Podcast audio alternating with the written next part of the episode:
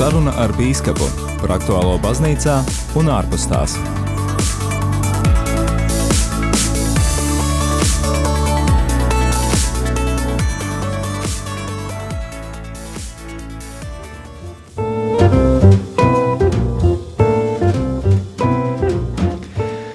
Mīļo radio klausītāji, ir mēneša pirmā otrdiena, pulksten pieci vakarā, un tas nozīmē, ka ir pienācis laiks sarunai ar bīskapu. Raidījums sarunā ar bīskapu ir ikmēneša tikšanās radio Marijas studijā ar kādu no Latvijas diecēžu bīskapiem, un tā ir arī tava iespēja klausītāji uzdot tevi interesējošo jautājumu. Un šeit raidījumu šodien moderēšu es un apskaņošu Māris Veliks, savukārt uz sarunu ar klausītājiem šoreiz ir ieradies arī Rīgas arhibīskaps metropolīts Zbigņevs Stankēvičs, lai ir slavēts Jēzus Kristus. Mūžiņi mūžos amen. Paldies, ekscelence, ka atradāt laiku, lai šovakar būtu kopā ar klausītājiem. Nu, uzskatu to par savu pienākumu. Jā, un arī mēs vairāk kārt ēterā esam uzsvēruši un arī darīšu to tagad, ka radio Marija ir klausītāju radio, un tā ir unikāla iespēja arī tev, kas šobrīd klausies šo raidījumu, ietekmēt šī raidījuma saturu, izvēloties savu jautājumu un tad nogādājot to uz studiju tev ērtākā veidā vai nu zvanot uz studijas tālruni 67 969 131. Savukārt īziņas un WhatsApp ziņas gaidām uz numuru 266 77 272. Ja tev ir kāds jautājums par šī brīža aktualitātēm baznīcā, par garīgo dzīvi vai citām saistītām lietām, tad nekautrējies to darīt. Šis ir tavs ēters un droši vien negadās arī ikdienā šāda iespēja uzdot savu jautājumu bīskapam, tādēļ šī stunda ir tavā rīcībā, mīļo klausītāji. Bet uh, līdz tam, kamēr mēs gaidām arī klausītāju iesaistīšanos, es sākšu ar ievadu jautājumu par kādu aktualitāti ne tikai Latvijas baznīcā, bet arī visā mūsu katoliskajā baznīcā. Esam sākuši gatavoties arī bīskapu sinodei, kura notiks 2023. gadā un tiks veltīta sinodālai baznīcai. Un Vietējās baznīcas, tā skaitā arī mūsu Latvijas baznīca, ir aicināta aktīvi iesaistīties šajos sagatavošanas procesos, un lai arī Radio Marija ēterā otrdienas rīta katehēzēs arī ar priesteri Paulu Kļaviņu ir diezgan daudz runāts par šo tēmu, es domāju, ka būtu vērts tiem klausītājiem, kuri mums tikko ir pieslēgušies un kuri varbūt vēl nav iedziļinājušies šajā tēmā, varbūt sniegt tādu īsu pārskatu, kā, kas ir tā lietas būtība, kāpēc tieši šī sinodalitātes tēma un arī kā mēs kā ticīgie šeit Latvijā varētu atbalstīt šo gatavošanos sinodei? Nu šeit iesākšu ar tādu atkāpi pagātnē. E, no 1962. līdz 65. gadam notika Vatikāna otrais koncils, ko sasauca e, svētais pāvests Jānis 23.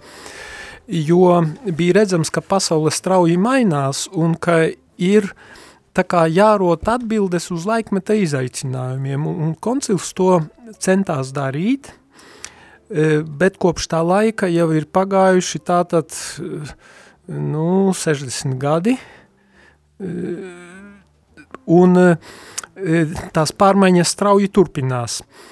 Un jau koncila laikā, faktiski pēc koncila, uh, pāvests iesāka, Pāvils VI, viņš nodibināja tādu institūciju bīskapu sinodi, kas ir tātad starplaikā starp konciliem, arī sapulcējas un mēģina tā kā risināt kaut kādus aktuālus jautājumus. Nu, pašam man ir e, bijusi iespēja jau piedalīties, ja nemaldos, četrās sinodēs. Viena bija par jauno evanģelizāciju, divas bija par ģimeni, un vien, viena bija par eh, jauniešiem, tieši jauniešu eh, jautājumiem veltīta.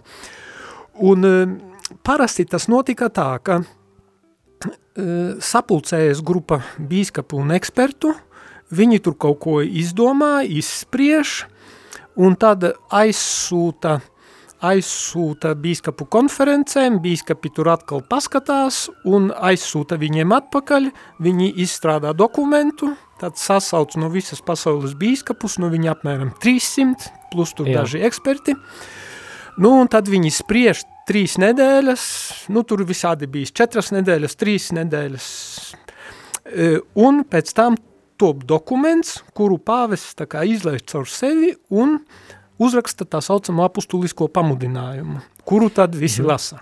Bet sinode šajā gadījumā ir tāda kā padomdevēja institūcija. Jā, sinode viņa nav lēmēja institūcija, jo pāvests ir lēmēja institūcija. Mhm. Sinode iesniedz pāvestam e, izstrādāto beigu dokumentu, Jā. ar kuru viņš parasti, nu, apmēram gada laikā, uz tā dokumenta pamata top apustuliskais pamudinājums, kurš var būt ļoti arī atšķirīgs no tā, jo à. pāvestam tā ir, var teikt, starta pakete tālākām pārdomām. Jā. Un šajā reizē pāvests Francisks, tā kā turpinādams šo Vatikāna otrā koncila aizsākto tā kā procesu, kā tātad atpazīt laikmeta izaicinājumus, kā atbildēt, e, teiksim, tiem izaicinājumiem tā, lai baznīcas vēstījums tā kā aizsniedz mūsdienu cilvēku, un lai baznīca tā kā, nu, māk uh, Nu, tieši tā, lai viņa māk evanģelizēt to mūsdienu sabiedrību. Un tad tas ir tas jaunais, ka šajā reizē tas nav tikai, ka šaura ekspertu grupa tiek iesaistīta. Pāvests vēlas dot iespēju, lai visa dieva tauta, var teikt, lai tas aiziet līdz visām diecēzēm un līdz visām draudzēm, lai tas aiziet, lai tā kā dieva tauta – mēģina atpazīt, kā Dieva gars tā kā dveš šodien, kurā, kā, kā viņš vēlas vadīt baznīcu, kā viņš vēlas, lai baznīca mainās, lai viņa aizsniegtu to mūsdienu cilvēku. Un tāpēc e, ir dota, teiksim, tagad ir atsūtīti materiāli, atsūtīti jautājumi, ar kuriem tālāk ir jāstrādā, 17.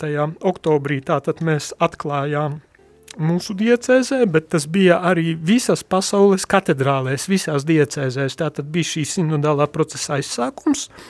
Bija paredzēts, ka līdz aprīlim šis etaps noslēgsies, bet pāvests saņēma daudz lūgumu, daudzus lūgumus no dažādām pasaules malām, ka tas ir par īsu laiks. Un mēs jau Latvijā arī zinām, ka ir Covid, ir ierobežojumi, mēs tikšanās nu, vienkārši nav iespējamas klātienē pat tagad. Mm -hmm. Līdz ar to tas laiks tika pagarināts līdz 15. augustam. Un tā doma ir tāda, ka visās draudzēs, tad arī kustībās, arī, arī tur ir aicinājums tikties ne tikai katoļu vidē, bet tikties arī ar mūsu ekumēniskajiem dialoga partneriem, tātad citu konfesiju kristiešiem, pat citu reliģiju pārstāvjiem, pat arī neticīgajiem, pat arī ar nu, tiem, kas ir baznīcas perifērijās.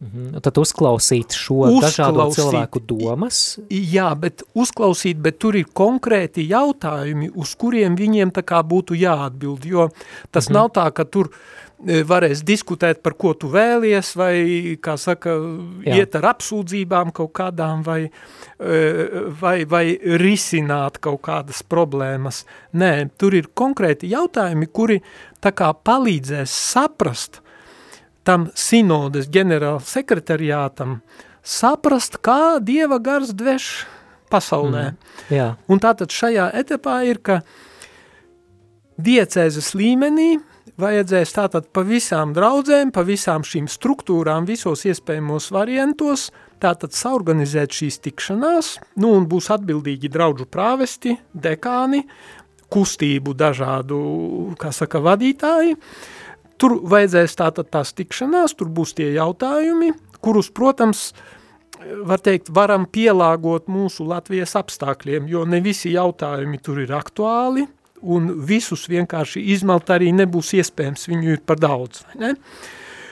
Un tad tas materiāls tiek apkopots, tiek nosūtīts vietēji bīskapu konferencei, konkrēti Latvijas bīskapu konferencei mūsu gadījumā, Latvijas bīskapu konference apkopo četru diecēžu rezultātus, nosūta Eiropas kontinentālajai tātad komisijai, tad tā apkopo Eiropas kontinenta materiālus, un sūta tālāk uz uh, jau bīskapu sinodas ģenerāla sekretariātu, kurš saņem materiālu no visiem kontinentiem un viņu apkopo, un tad gan jau taps dokuments, ar kuru startēs sinodas dalībnieki. Jā, jūs minējāt šos iesūtītos jautājumus arī, kas tiks apspriesti vietējā līmenī, un varbūt, lai klausītāji jau šajā brīdī varētu apmēram noskaņoties par tām tēmām, kas tur ir, vai kas ir tie lauki, kurus ir vērts pārdomāt un arī noformulēt savu viedokli, varbūt varat sniegt ieskatu, tad eh, par ko īsti runa būs? Nu, faktiski, es um, gribētu, jo tagad negribētos eh, jau iegrimt konkrētajos jautājumos, bet e, gribētos drīzāk pasignalizēt par tiem mērķiem vai par tām iespējām, kas paveras e, tieši caur šāda veida dialogu.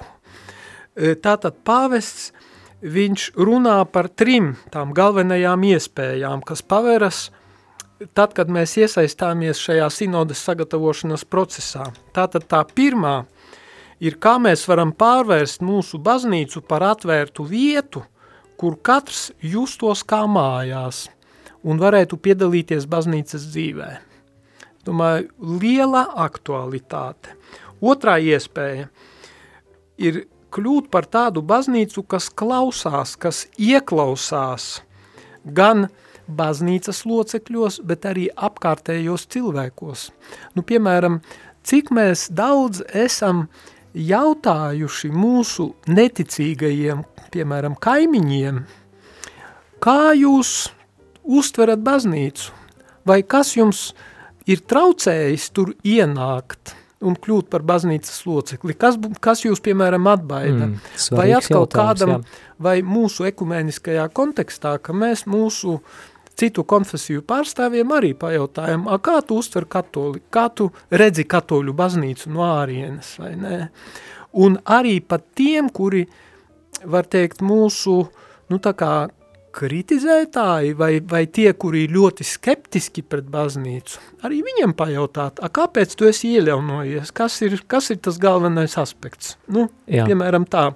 Un tālāk, ja, ja mēs runājam jau par to iekšējo, nu, tomēr iegrimu mazliet tajos jautājumos. Nu, piemēram, kā tu jūties savā draudzē? Vai tu jūties pieņemts? Vai, e, vai tu jūti, vai tu redzi, ka tev ir iespēja tā kā izpausties un dot savu ieguldījumu?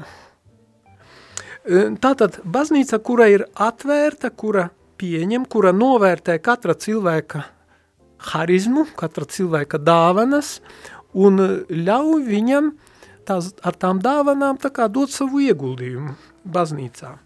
Tātad otrais bija spēja klausīties, ieklausīties gan cilvēkos, draudzes locekļos, gan apkārtējos, bet arī ieklausīties svētajā garā.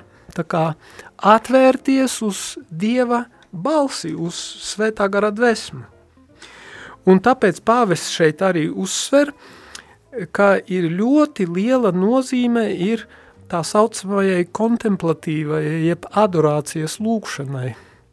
Un, piemēram, Latvijā, nu, paldies Dievam, nu, mums ir šī tradīcija. Viņa padomju laikā gan bija pārtrūkusi, bet tagad mums ir vietas, kur 24 stundas dienā ir uzstādīts e, visvētākais sakraments, jeb kunga Jēzus Kristus augšām celtā miesa zem maizes zīmēm, krustā sistā un augšām celtā miesa zem maizes zīmēm, tātad viņa klātbūtnes zīme, un mēs varam tādī uzturēties.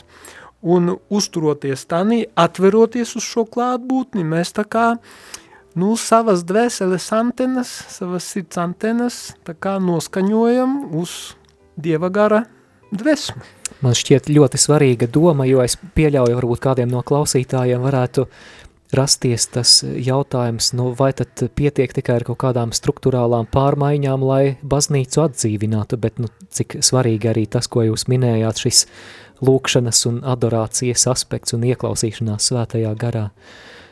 Un kas ir tas trešais punkts, trešais virziens? Nu tā tad tā bija nu, faktiski šis trešais bija par to adorāciju, vai ne? Tā klausīšanās, teiksim, 2A, tas ir uz ieklausīties cilvēkos, 2B, tas ir ieklausīties Dieva gara dvesmā. Un jā, trešais tas tomēr ir, e, nu jā, adorācija, patiesībā trešais tomēr būs, ka e, veidot baznīcu, kas būtu tuva sabiedrībai, sabiedrībai plašā nozīmē, ne tikai, ne tikai sava, savai draudzē, jā. jā, Mhm. spējīga veidot draudzīgas attiecības, just līdzi un izturēties pret visiem ar maigumu. Tātad nevis ar nosodījumu, ka lūk, viņi tur tādi un šitādi grēcinieki neko nesaprot, mēs no viņiem norobežojamies, radām savu tā saucamo svēto saliņu, Jā, vai e, burbuli. izredzēt to, to savu, jā, tagad tas jā, pareizi burbuli, un mēs tajā burbulī dzīvojam un, un esam apmierināti. Un pareizi tie, tie mūs neinteresē, bet nē, ka mēs esam atvērti un mēs meklējam kopīgo, mēs meklējam to, var teikt, to stīgu viņu dvēselēs, kura, kuru var aizskart un, un kura ir kopīga mums, vai ne? Un tomēr arī pieņemt atšķirīgo. Eh, Es domāju, no padomju vēl laikiem mūsos ir ļoti tā kā iestrādāta tāda neiecietība pret citu viedokli. Un, diemžēl, jaunā, jaunās vēsmas, kas mums parādījušās, kā saka, jau brīvajā pasaulē, tās arī ir, ka tā saucamais politkorektums. Ko tas nozīmē? Tas nozīmē, ka tikai viens pareizais viedoklis ir, un ja, ja tev ir savādāks, tad tu tiec faktiski pret tevi tiek pielietota vardarbība. Šoreiz jau ne fiziska, tevi Jā. Nesūta uz Sibīriju, bet pret tevi, tevi nopeļ, tevi nonievā, tevi apsaukā ar visādiem tur vārdiem. Jā, daudz mūsdienās arī piemin to terminu kancel kultūra, jeb izdzēšanas kultūra. Lūk, lūk, tā ir tā mūsdienu, tā, tas ir tas mūsdienu veids, kā, e, nu, kā, šī, kā šī neiecietība izpaužas. Un šeit baznīcas tā kā uzdevums, un tā ir pāvesta sirds vēlme, ka baznīca rāda ceļu. Viņa ir kā, kā pilsēta kalnā, vai kā, kā svece, vai ne, kura istabā, kura apgaismo apkārtējo, kura parāda, ka ir iespējama citādāka attieksme. Es domāju, šeit mums ir ļoti daudz darāmā, mājas darba iekšā, jo, nu, pie mums arī, es teiktu, ir pietiekoši daudz kareivīgi noskaņoti, kareivīgi noskaņotu arī draudzes locekļu, kuri, kuri, nu, tikai tā kā viņi, tikai tā kā viņi un viss, un Jā, viss tā ka pārējais. būs jāmācās skatīties plašāk, bet pirms ekscelence mēs turpinām šo sarunu vēlos atgādināt klausītājiem, ka arī viņiem ir iespēja šodien iesaistīties ēterā un uzdot savu jautājumu vai arī dalieties savos komentāros, savās pārdomās. Numurs studijā ir 67 969 131. Savukārt īziņas un WhatsApp ziņas sūtiet uz numuru 266 77 272. Mīļo klausītājs vēlos uzsvērt, ka es eh, šajā raidījumā gribu ieņemt tikai to, to trešo vai ceturto vietu, un es nebūšu tas jautājumu uzdevējs, es vēlos būt tikai tas starpnieks, kas arhibīskapam nodot tavu jautājumu, tādēļ droši, droši iesaistāmies, un arī e-pasta iespēja studija at rml.lv, bet pirmais jautājums, kas ir sasniedzis studiju, nu pat arī saistībā ar nu pat pārunāto, mēs jau arī šeit runājām, ka ikvienam draudzes loceklim būs iespēja sniegt savu ieguldījumu, gatavojoties sinodei. Un kāds klausītājs grib zināt, ko tad reāli mana personiskā pieredze ietekmēs sinodālajā ceļā. Nu, iespējams, varbūt tas ir tas jautājums, vai es neesmu tāds mazs pilieniņš jūrā, kura balss jau tik un tā neko nenoteiks. Kā jūs komentētu šo? Nē, nu tomēr, tomēr, teiksim, ja šī jūsu pieredze rezonēs ar daudzu citu pieredzi, un, un, jo beigās tie rezultāti tiks apkopoti, un ja būs sasniegta kritiskā masa, tad tas nonāks uz, uz sinodes dokumenta sagatavotāju galda, vai ne? Un tad viņi arī ierakstīs to jūsu pieredzi. Jā, tā ka mājas darbs ikvienam, kas mūs klausās šajā brīdī. Jūs minējāt arī atsaucoties uz pāvestu Francisku šo pirmo punktu, kas ir veidot baznīcu tādu, lai tā būtu mājīga, lai tā vide būtu, būtu atbilstoša tā mūsu vajadzībām. Un saistīts ar šo tēmu, manuprāt, ir kāds jautājums, kuru mēs saņēmām vēl pirms raidījuma. Un jautājums ir, kāda pēc arhibīskapa domām ir ideāla draudze, kas raksturo ideālu dzīvu draudzi? Nu, pirmām kārtām, ejot šajā pašā virzienā, tāda, kurā arī cilvēks, kurš ienāk pirmo reizi, varbūt savā dzīvē baznīcā, kurš sajūtas kā mājās, kurš e, sajūtas, ka viņš tur ir gaidīts, viņam ir mājīguma sajūta. Tas, protams, prasa arī, es teiktu, jā, no vienas puses garīgo, tas ir, tas ir pamats, bet arī psiholoģisko, bet arī e, estētisko noformējumu, vai ne, baznīcā. Mm, tad ir ko Tātad, padomāt par sakrālu tas, arhitektūru, mākslu. Protams, protams, Jā. protams, lai viņš, nu tā kā ienāk un ka tā ir sakrāla vieta, bet, bet, ne tikai, bet ne tikai arhitektūra, bet arī tas psiholoģiskais klimats un cilvēku attieksme, kalpotāju attieksme, piemēram, dežurantā attieksme. Uh, kā vai viņš sagaida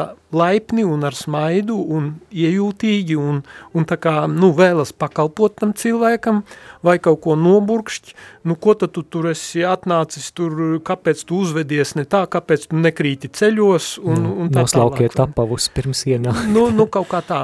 Tas ir pirmais, bet, eh, protams, kur arī garīdznieks ir atvērts uz, uz cilvēkiem, ka nav tā, ka viņš, piemēram, neatbild uz zvaniem, ka viņam ir tikai, nezinu, no līdz eh, kaut kādas pieņemšanas stundas, vai tad, kad viņam var zvanīt, eh, tātad garīdznieks, kurš atzvana pēc tam, ja viņš tai brīdī, kad nevar runāt, ka viņš atbild uz, uz, uz e-pastiem, atbild uz izziņām, atbild uz zvaniem, Jā. ka viņš, nu, tā kā iejūtīgi. Uh, Un tālāk mm, tas, ko svētais Jānis Pāvils II teica, ka draudzēji, viņai vajadz, ideālai draudzēji vajadzētu būt draudžu draudzēji.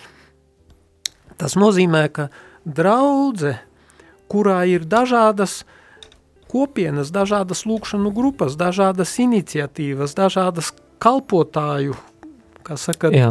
virzieni. Un ka prāvests, viņš Nav tā, ka viņš vada viņas visas. Tur katrā no tām ir savs atbildīgais, bet viņš ar tiem atbildīgajiem strādā. Ik pa laikam viņš apciemo arī to grupu, bet viņš strādā ar viņiem un tā kā, nu, koordinē, var teikt, pieskata un palīdz viņiem kalpot, viņus garīgi pabaro un uh, palīdz viņiem augt. Var teikt, rūpējas par viņu formāciju. Tādā ziņā, ka draudze, kurā nav nekādu apakšstruktūru, nu, es teiktu, tā ir, nu, tā ir nepilnīga draudze. Viņa tikai vēl tā ir tā starta pakete, teiksim tā, bet viņai tālāk ir jāaug.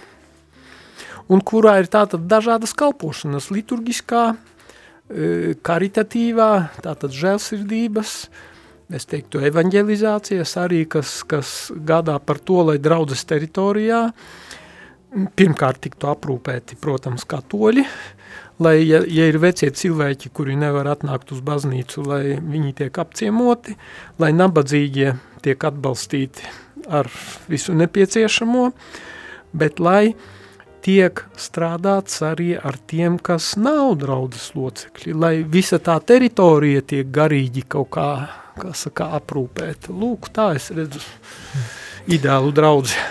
Un ja nu kāds prāvests, dzirdot jūsu vārdus, domā, ak, nu skan jau skaisti, bet, bet es to nevaru pavilkt, tā jau ir daudz ko darīt, ir bēres, ir kristības, ir dievkalpojumi un citas pastorālās aktivitātes, arī jārūpējās par baznīcas remontu, ko jūs ieteiktu? e, tas nozīmē, ka, e, ka vienkārši ir jāmāk deleģēt draudzes locekļiem atbildības un uzticēties viņiem un inicijēt šīs dažādās grupas un šos kalpošanas veidus, jo, kā es teicu, prāvestam personīgi nav jāvada katra grupiņa, bet viņš tikai tā kā, nu, ir pārskata to visu, un tas būs viņam par lielu atbalstu, jo jūs runājāt, ka e, vajag, piemēram, ar remontiem darboties. Tas, jā, tā mūsu ir hroniska slimība, ka priesteri nodarbojas ar remontiem un celtniecību. Ideālā draudzē tā tam nav jābūt. Es mm. teiktu, normālā draudzē tā tam nav jābūt. Draudzē ir jābūt ekonomisko lietu, piemēram, padomei, ir jābūt draudzes locekļiem, kur ir sava aroda speciālisti šajās jomās, un prāves tikai pieskata. Viņiem pašiem tas ir jāorganizē. Pravesta pienākums ir lūgt Dievu, svinēt sakramentus un sludināt Dieva vārdu. Un tad, protams, saruna ar bīskapu par aktuālo baznīcā un ārpus tās.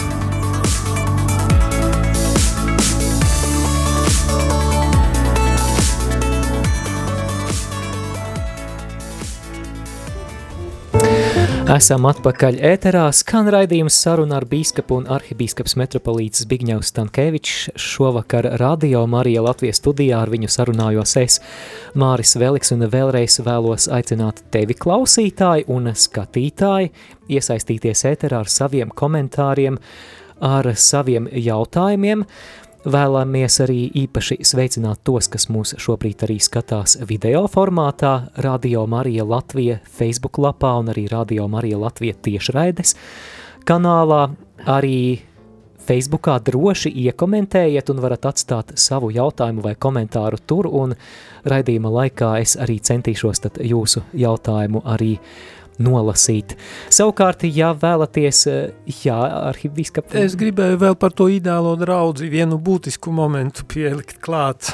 Jā, labi. E, par to ideālo draudzi. E, tātad ideāla draudze, kurā katrs draudzes loceklis arī ziedot desmito tiesu draudzes attīstībai un evanģelizācijai.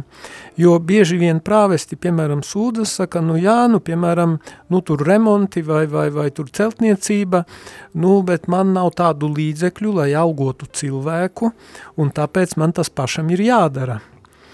Bet, nu, lieta ir tāda, ka ir, ir divi risinājuma veidi. Tad, uh, Viens tas ir, ka ir kāds brīvprātīgais, kurš uzņemās šo darīt, kuram ir darbs un iztika kaut kur citur, un viņš to kā savu tādu ziedojumu graudā. Vai arī otrs variants ir, ka vienkārši draudzes locekļi, tā kā ir tajā, nu, vecās derības princips ir desmitā tiesa, un padomājiet, tad desmit cilvēki var uzturēt vienu pilna laika kalpotāju. Un viņu nosēdina uz, nezinu, projektiem, nos, nosēdina kā atbildīgo par remontiem un celtniecību, un tad prāvestam ir brīvas rokas. Un viņš var nodarboties ar lūkšanu un Dieva vārdu mm, sludināšanu. Es domāju, šis princips pie mums Latvijā, es pazīstu cilvēkus, kuri to piekopja. Un mēs tā kā pirmie mazie solīši, pirmās bezdelīgas jau ir. Un es domāju, mums ir jāturpina iet tai virzienā, bet, protams, to mēs nevaram uzlikt kā obligātu prasību un piespiest draudzes locekļus tur to desmito tiesu maksāt.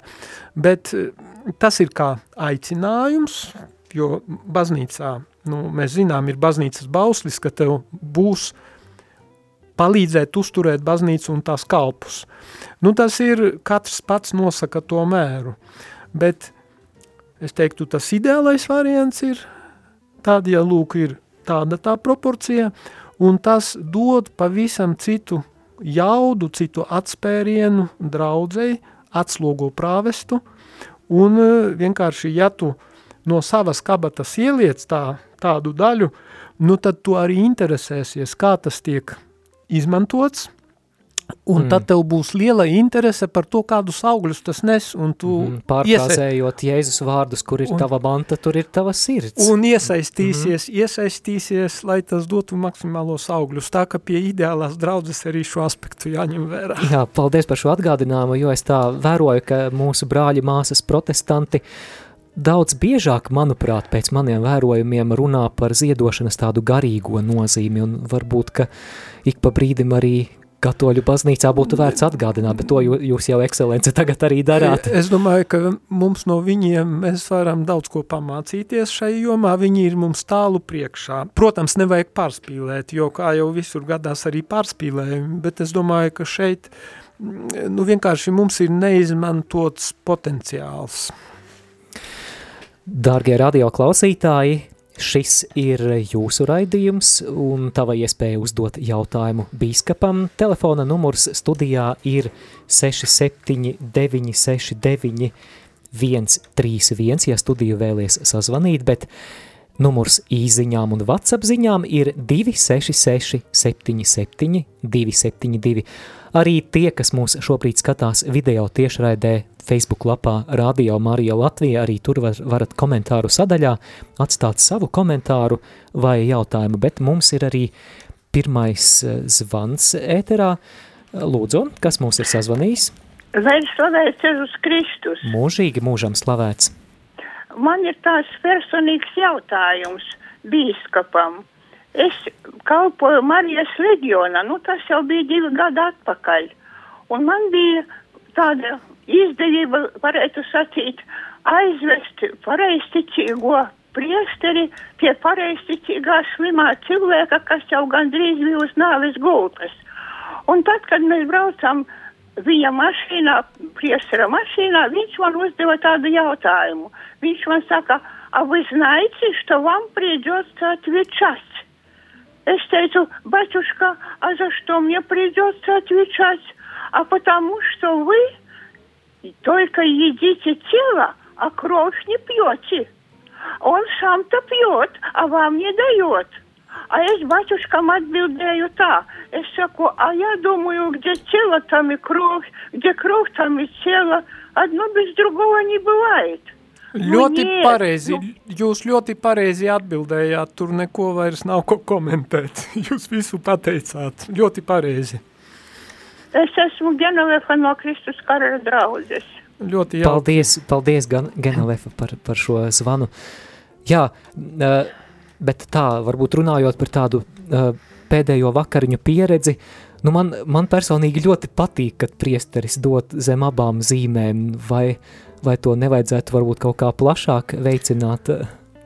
Nē, nu to mazajās grupās tas tiek praktizēts, e, piemēram, tad, kad, e, tad, kad e, tiek svētītas laulības, tad var dot zem abām zīmēm, respektīvi tas, tas nav izslēgts, bet, protams, ka to ieveda, jā, no vienas puses, lai neprofanētu, lai izvairītos no profanācijas, jo, kad tūkstoši cilvēku sāka iet pie dievgalda, nu tad ir, nu tad ir ļoti grūti viņiem to, kā saka, nodrošināt zem abām zīmēm.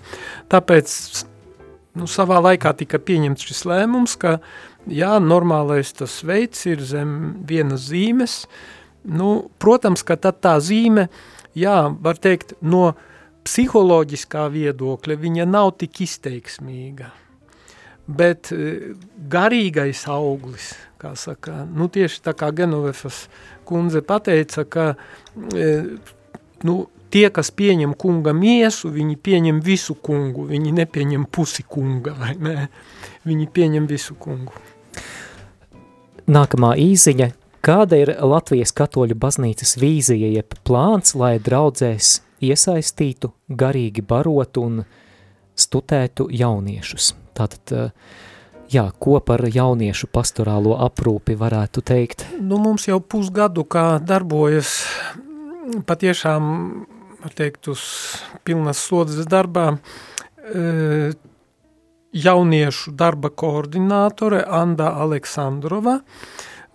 Es ar viņu esmu ticies, e, kad viņa man atskaitījās par pusgadā izdarīto, un es biju ļoti gandarīts, redzēju, ka viņa ir ļoti labi pastrādājusi, jo viņa mēģina apzināt visas draudzes un uh, nodibināt kontaktus un atrast, teiksim, visas tās iespējamās struktūras, kur, kur ir jaunieši, kur ir kontakts ar jauniešiem, un tad mēģināt tā kā viņus, nu, tā kā radīt tādu tīklu, tā kā network, vai ne?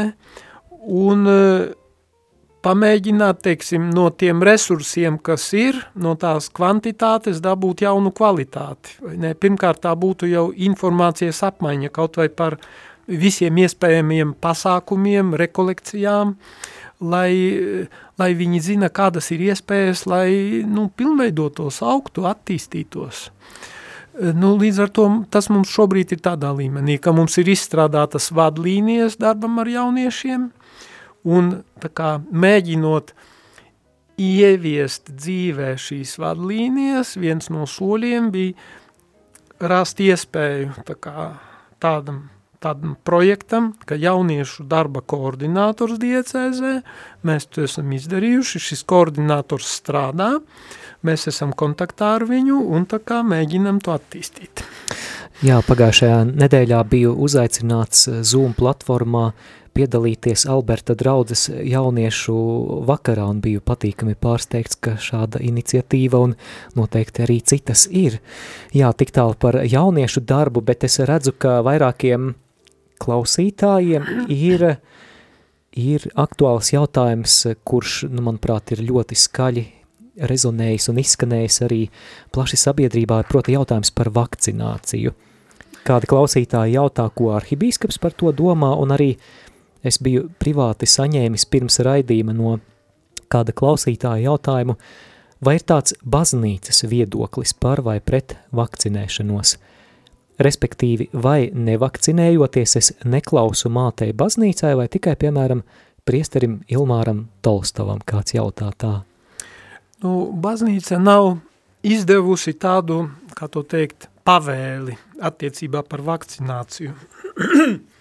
bet gan pāvests Francisks, viņš ir skaidri un gaiši parādījis ar savu piemēru. Pirms dažām dienām viņš saņēma jau trešo vakcīnu. Viņa priekšgājējs pavests Benedikts arī ir vakcinējies. Pavests Francisks, viņš skaidri ir pateicis, ka vakcinēšanās tas ir tuvāk mīlestības akts. Nu tātad, ka mēs ar to kā, nu, pasargājam mūsu tuvākos, jo mēs samazinām inficēšanās riskus gan, gan sev, gan citiem. Tātad pāvests ir skaidri savu nostāju gan ar vārdiem, gan ar darbiem mm, parādījis. Tālāk attiecībā par vakcīnas morā, vakcīnu morāliskumu, par to ir ticības doktrīnas kongregācija ir izdevusi savu atzinumu, jo ir tādi, kas apstrīd, kas saka, jā, tās ir amorālas un nav pieņemamas. Tad ticības doktrīnas kongregācija, kas ir tātad pāvesta pilnvarotā institūcija, var teikt ministrija, ja laicīgā valodā runājot, viņi šo jautājumu ir izpētījuši un ir pateikuši, ka šādā situācijā tāda, kāda tā ir, šī vakcīna ir morāliski pieņemama un tātad šeit, kā saka, nav, nav, nav ko diskutēt, nav, nav, nav ko diskutēt, E, neiedziļināšos tālāk, tālākajās niansēs. Tālāk, e, attiecībā par jau mūsu lokālo Latvijas situāciju, tad Latvijas bīskapu konference, katoļu tātad bīskapu konference, ir arī skaidri un gaiši paudusi savu nostāju, ka tā aicina vakcinēties cilvēkus. Es to esmu darījis arī vairāk kārt, un pats esmu arī pilnībā vakcinējies. 28. maijā man nobeidzās, saka, šis, šis, šis periods, kad es jau skaitījos pilnībā vakcinējies. Nu, līdz ar to baznīca tā kā silti iesaka un aicina, bet, protams, respektē cilvēka brīvību, respektē viņa izvēli, bet es teiktu, ka tas, nu tāds nu, šis aicinājums ir, nu, ir ļoti, es teiktu, ļoti spēcīgs, jo, ja, ja tu mīli, piemēram, ģimenē savu tēvu un māti, un tēvs un māte tevi aicina kaut ko darīt un paši to dara, nu tad, ja tev ir mīlestība, ja tev viņi ir autoritāte, nu tu viņiem sekosi. Un ja tu viņiem neseko, nu kur ir problēma?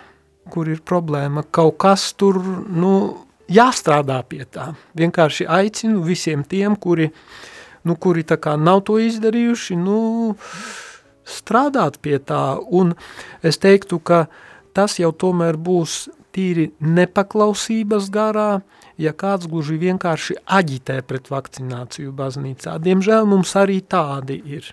Kā es saku, nu viņi ir gudrāki par pašu Romas pāvestu, par bīskapiem, jo viņi zina, ka nē, viņi zina labāk. Nu, nav komentu, kā mēs teikt, jā. Nav komentāru. Tie argumenti, kāpēc eh, nepieņemt vakcīnu, varbūt sākot no varbūt, nu, kādām raizēm par iespējamām blaknēm, līdz arī diezgan, diezgan tādām eksotiskām idejām, par zvēra zīmi un Jāņa atklāsmes grāmatu un dažādām apokaliptiskām lietām. Varbūt ir kāds komentārs tieši par, par šādu pieeju, skatoties uz vakcīnu. Nu, par zvēra zīmēm un apokaliptiskām visādām tur tiem scenārijiem, nu, negribās nemaz komentēt, jo, kā es teicu, ticības doktrīnas kongregācija ir mhm. skaidri un gaiši izteikusies, nu, tad tas nozīmē, ka tu noliedz vispār uh, pāvesta noliec baznīcas vadības, jeb kādu autoritāti, nu tas jau, kā saka, ošpilnīgi pēc kaut kāda vai nu sektantisma vai slimības kaut kādas, jā. Bet tas otrais moments, jā, tas ir, tas ir nopietns, jo patiešām tādas blaknes mēdz būt un nopietnas blaknes, un dažreiz ir pat nāves gadījumi, bet šādos gadījumos es ieteiktu pirmkārt klausīt, nu vai ieklausīties savā ģimenes ārstā, un e, pirms kāda laika tur bija runāts, ka e, ir nepieciešams pat ārstu konsīlijas kaut kādos īpašos gadījumos, kad nu, ir nopietnas bažas par to, ka cilvēks var alerģiski reaģēt uz kādu no komponentēm tajā vakcīnā. E, tā ka tur šādi izņēmumi, kā saka, tur jāskatās, bet kopumā teiksim, no, pat no veselā saprāta viedokļa vērtējot, ka riski ir nesalīdzināmi, jo, ja paskatās, kāds ir risks nevakcinētajam saslimt ar covidu un tad nomirt vai dabūt nu, smagā formā to, to slimību, tas ir ļoti augsts risks, Un dabūt blaknes vai komplikācijas no vakcīnas, tas ir, es tagad tā no galvas nepateikšu, bet tie ir nu tūkstošiem, kā saka, reižu mazāki. Lai arī, protams, tie riski pastāv, un tāpēc es būtu pret, ka cilvēkus nu tā kā vardarbīgi piespiež. Katram ir jāizvērtē savā sirdsapziņā un jāpieņem lēmums. Bet atkārtoju, esmu arī pret to, lai cilvēks aģitētu pret. Ja viņš personīgu lēmumu pieņem, labi, tas ir viņa lēmums, lai viņš uzņemās atbildību, jā, arī Dieva un Dieva priekšā, un atbildību par to, ka patiešām viņš ir, nu var teikt, nu, bīstamāks šai ziņā, ka viņš var ātrāk saslimt un ātrāk inficēt citus, vai nē. Un, un ja viņš, bet ja viņš aģitē pret, tad viņš var būt atbildīgs par cilvēku nāvi, par cilvēku dzīvību, jo kāds, kuru viņš ir pārliecinājis, nenovakcinējies, saslimst un nomirst. Ja viņš būtu vakcinējies, atkal tur, protams, ir, kā saka, tie, tie, tie, tie varbūtību e, līmeņi, ka tad parasti izslimo vieglā formā. Un e, vakcinētie mirst daudz retāk, un nu, tas ir kā vai nu ļoti vecie jau, vai arī tie, kuriem ir nopietnas blakus saslimšanas. Nu, tas ir parastais scenārijs. Vakcinētais parasti izslimo vieglā formā, varu pateikt arī par sevi, ka esmu vakcinēts un neskatoties uz to esmu izslimojis, bet, nu, desmit dienu laikā organisms tika galā un pēc tam, kā saka, paldies Dievam, viss kārtībā. Jā, es domāju, ka ekscelence caur savu komentāru jūs jau esat atbildējis arī uz klausītāju jautājumu mūsu Facebook lapā, kā rīkoties, ja cilvēkam ir autoimūna saslimšana arī snaudoša, bet ārstu viedoklis ir, nav nevienas slimības, kam vakcīna kaitē, bet sekas ir uh, konkrētiem cilvēkiem graujošas. Es domāju, ka arī te kaut kādi medicīniski ir momenti, kurus mēs nevaram komentēt. Jā, nē, es vēl tad vienu komentāru Jā. attiecībā par autoimūnām. Patiešām ir tādas, mm, tādi gadījumi, kad e, sākas problēmas ar autoimūno sistēmu. Bet e, tomēr jau šobrīd, cik man ir zināms, ir, ir līdzekļi, jau ir procedūras, ārstiem ir zināmas procedūras, kā rīkoties tādā gadījumā un kā to mazināt tās blaknes. Un savukārt, ja kādam jau ir baža, ka viņam var būt, nezinu, alerģiska reakcija, tad viņam uzreiz tas ir jāpiesaka, un tad viņam nevajadzētu, nu, kaut kādā tur, nezinu, tirdzniecības centrā vakcinēties vai kaut kur, kaut kur garām ejot, uh, bet, nezinu, piemēram, pie sava ģimenes ārsta vai tādā vietā, kur viņš varēs, nu, nezinu, vismaz pusstundu tur uzturēties, un ka tur blakus būs, jā. jā, uzraudzībā, ka varēs monitorēt to procesu, un ja gadījumā sākas kāda problēma, momentā mediķi var, nu, sākt rīkoties, jo viņi zina, ko darīt tādos gadījumos. Jā, mīļo klausītāji atgādina, ka arī tev ir iespēja iesaistīties, raksti mums komentārus vai jautājumus mūsu Facebook lapā, tātad Radio Marija Latvija, kur tu vari skatīties šī raidījuma tiešraidi. Gaidām arī tavas īziņas uz numuru 266 77 272. Šis pats numurs arī WhatsApp ziņām 266 77 272. Savukārt studiju var sazvanīt uz numuru 67 969 131, un es ceru, ka pacietīgi savu kārtu ir sagaidījis kāds klausītājs, nav sagaidījis, bet mēģiniet zvanīt vēlreiz. Numurs ir 67 969 131.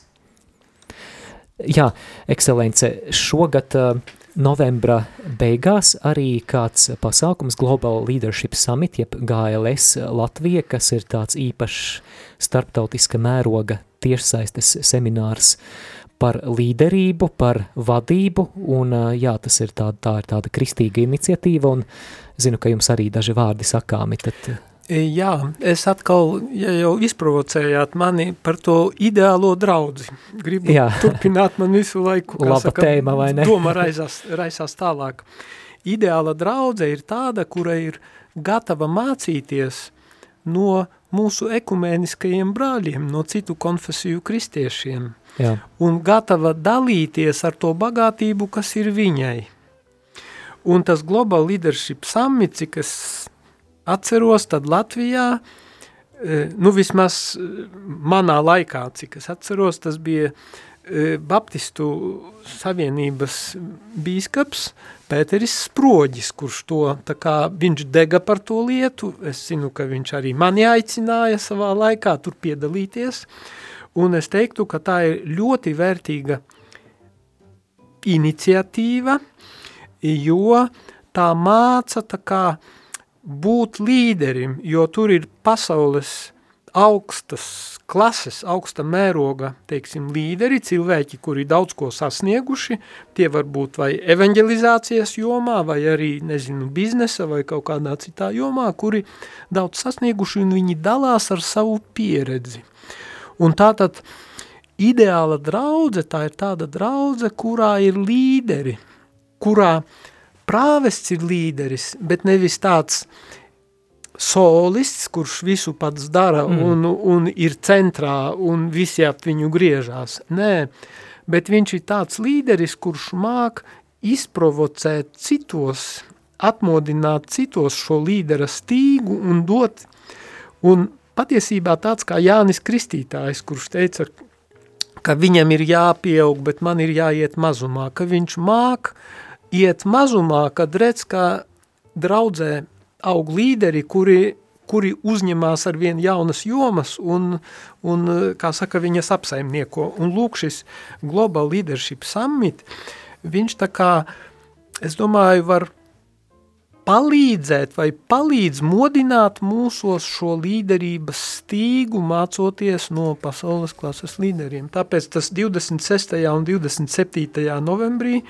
interneta tiešraidē šī GLS vadītāju konference, kurā atslēg vārdi ir šogad proaktīva līderība, emocionālā noturība, proaktīvā tā, tāda, kas ir, ka tu nāc ar iniciatīvu, tu nebaidies iznākt ar iniciatīvu, tu negaidi uzaicinājumu, ka tevi kāds komandēs un rādīs. Tālāk emocionālā noturība un mentālā veselība, kas ir Covida laika izaicinājumi, tas ir ļoti aktuāli.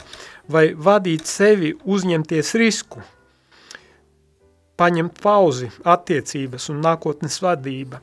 Nu, ir ļoti interesantas tās tēmas un aktuāla problemātika. Tā kā aicinu izmantot šo izglītošanās iespēju, jo tur ne tikai galvai tas ir, bet tas aizskar arī tomēr to gribu, to impulsu, ka vēlmi arī pašam tā kā. Jā, pirms nu, dažiem priekš. gadiem bija iespēja piedalīties un bija ļoti vērtīgi. Uh, Un, jā, ja meklējat papildus informāciju, tad mājaslapa ir glslatvija.lv vai arī sociālo tīklu kontos meklējiet GLS Latvija. Un mums ir arī zvans ēterā, lūdzu. Lai ir slavēts Jēzus Kristus. Mūžīgi mūžam slavēts. Es gribu teikt, es gribu biskupam paprasīt, a kā man tagad 90, jau divi mēneši trūksta 90 gadiem. Ko man darīt? Varbūt, ka nevajadzētu man viņa špieķēt. Es dien, dzīvoju tikai no dienas uz dienu. Ir mm -hmm. galvenais, ka es labi vēl kaut cik varu staigāt, nevarēju vienā laikā staigāt nemaz. Ir pleci visi sāp, visi kauli. Es tā domāju, ka nevajadzētu špieķēt. Jā, paldies par jautājumu. Nē, nu lēmums jums pašai jāpieņem, bet lieta tāda, ka seniori ir riska grupā. Saprotiet, ja, ja jūs saslimstat, ir ļoti liela varbūtība, ka tā slimība jums būs smagā formā un ka jūs tad dosieties mūžībā. Ja jūs to poti saņemat, tad jums ļoti palielinās izredzes, ka jūs izslimosiet vieglā formā un tomēr varēsiet nu, turpināt, nu, turpināt savu dzīves gājumu un, un sniegt atbalstu kaut vai ar savām lūkšanām saviem bērniem, mazbērniem un tuviniekiem. Jā, paldies klausītājai par šo zvanu. Es redzu, ka šī vakcinācijas tēma ir tik karsta, ka tik daudz arī jautājumu vai komentāru par šo, piemēram, e-pastā mums klausītāja Ilona Veronika jautā, ko arhibīskaps domā par atšķirīgajiem viedokļiem kristiešu vidū vakcinācijas jautājumos. Es varbūt pārfrāzēšu tā, kā risināt šo situāciju, ko mēs novērojam šobrīd ne tikai plašākā sabiedrībā, bet arī kristiešu vidē, ka mēs bieži vien nostājamies it kā pretējos ierakumos un pat, jā, sākam uh, pat nogriezt kontaktus ar pretējās, pretējā viedokļa pārstāvjiem? Nē, nu, mana pozīcija ir tāda, ka mums jāpieņem mīlestībā vienam otru tādi, kādi mēs esam. Un neatkarīgi no tā, vai viens, vai tu esi vakseris, vai tu esi antivakseris. E, es runāju par to ideālo draudzi un par pāvesta vēlmi baznīcu padarīt par tādu māju vietu visiem, par E, par tādu viesmīlīgu. Un e, tas pats jau attiecas uz tiem dažādajiem viedokļiem.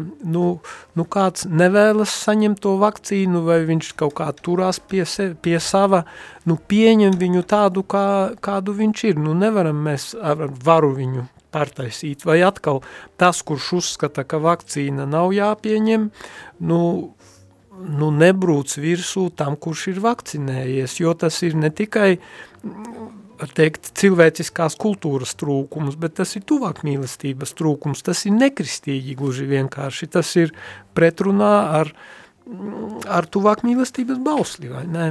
Līdz ar to aicinu visus pieņemt vienam otru kristīgā mīlestībā, un nemēģināt tā kā pārtaisīt par katru cenu otru un dabūt savā pusē. Jā, nu, piemēram, es redzu kāds, kāds klausītājs raksta, ka tas, ko viņš šeit dzird par vakcināciju, ir blefs, un arī nepiekrītot uh, par Kristus miesu un asinīm. Nu jā, tad Nē, nu tas ir, viedokļu ir daudz, vai ne? kā saka, tas ir viņa viedoklis, es stāstu, kāds ir, kāda ir baznīcas pozīcija, kāds ir baznīcas viedoklis, es nevienam to neuzspiežu, bet nu, tā, tā ir viņa, tās ir viņa tiesības uzskatīt savādāk. Jā, savukārt eh, cita īziņa, paldies par izsmeļošo skatījumu un skaidrojumu par baznīcas nostāju par vakcināciju, bet mainām arī tēmu, jo vakcīna, protams, un šīs Covid-19, devi- jā, šī krīze nav viss. Mums ir kāds ļoti skaists, vērtīgs jautājums no klausītāja Māra, un tas šoreiz ir pēdējais jautājums, jo tūlīt arī mise varbūt tikai dažos vārdos. Kā tuvoties Jēzum, ja ar prātu gribi, bet saproti, ka esi garīgā tuksnesī un griba ir vāja? Nu, ja ir kādi grēki, tad jā, jāaiziet, aicinu aiziet uz grēksūdzi un izsūdzēt savus grēkus. F- Ja sirdsapziņa neuzrāda, tad e, tā kā evaņģēlijā tur ir aprakstīts, e, aprakstīta tā situācija, kad tas cilvēks saka, ticu, bet palīdzi manai neticībai, ka tomēr kungs nu, pavairo manī ticību, dod man šo ticības spēku, palīdzi man atvērties uz tevi. Es, tu redzi manas gribas un ticības vājumu, bet nāc palīgā pavairo mani. Es esmu izslāpis pēc tevis, es augstu pēc tevis ienāc, stiprini manu iekšējo cilvēku. Un uh, raidījuma noslēgumā priecāsimies, ja svētīsiet mūsu ekscelence. Labprāt, Dievs kungs, lai ir ar jums, Kungs ir ar tevi lai kunga vārds ir slavēts. no šī laika un mūža, Mūsu palīdzība ir kunga vārdā. kas ir radījis debesis un zemi. Lai svētī jūs visvarenais Dievs tēvs un dēls un svētais gars. Amen. Slavēsim kungu! Pateicība Dievam! Izskanēja raidījums Saruna ar Bīskapu par aktuālo baznīcā un ārpus tās.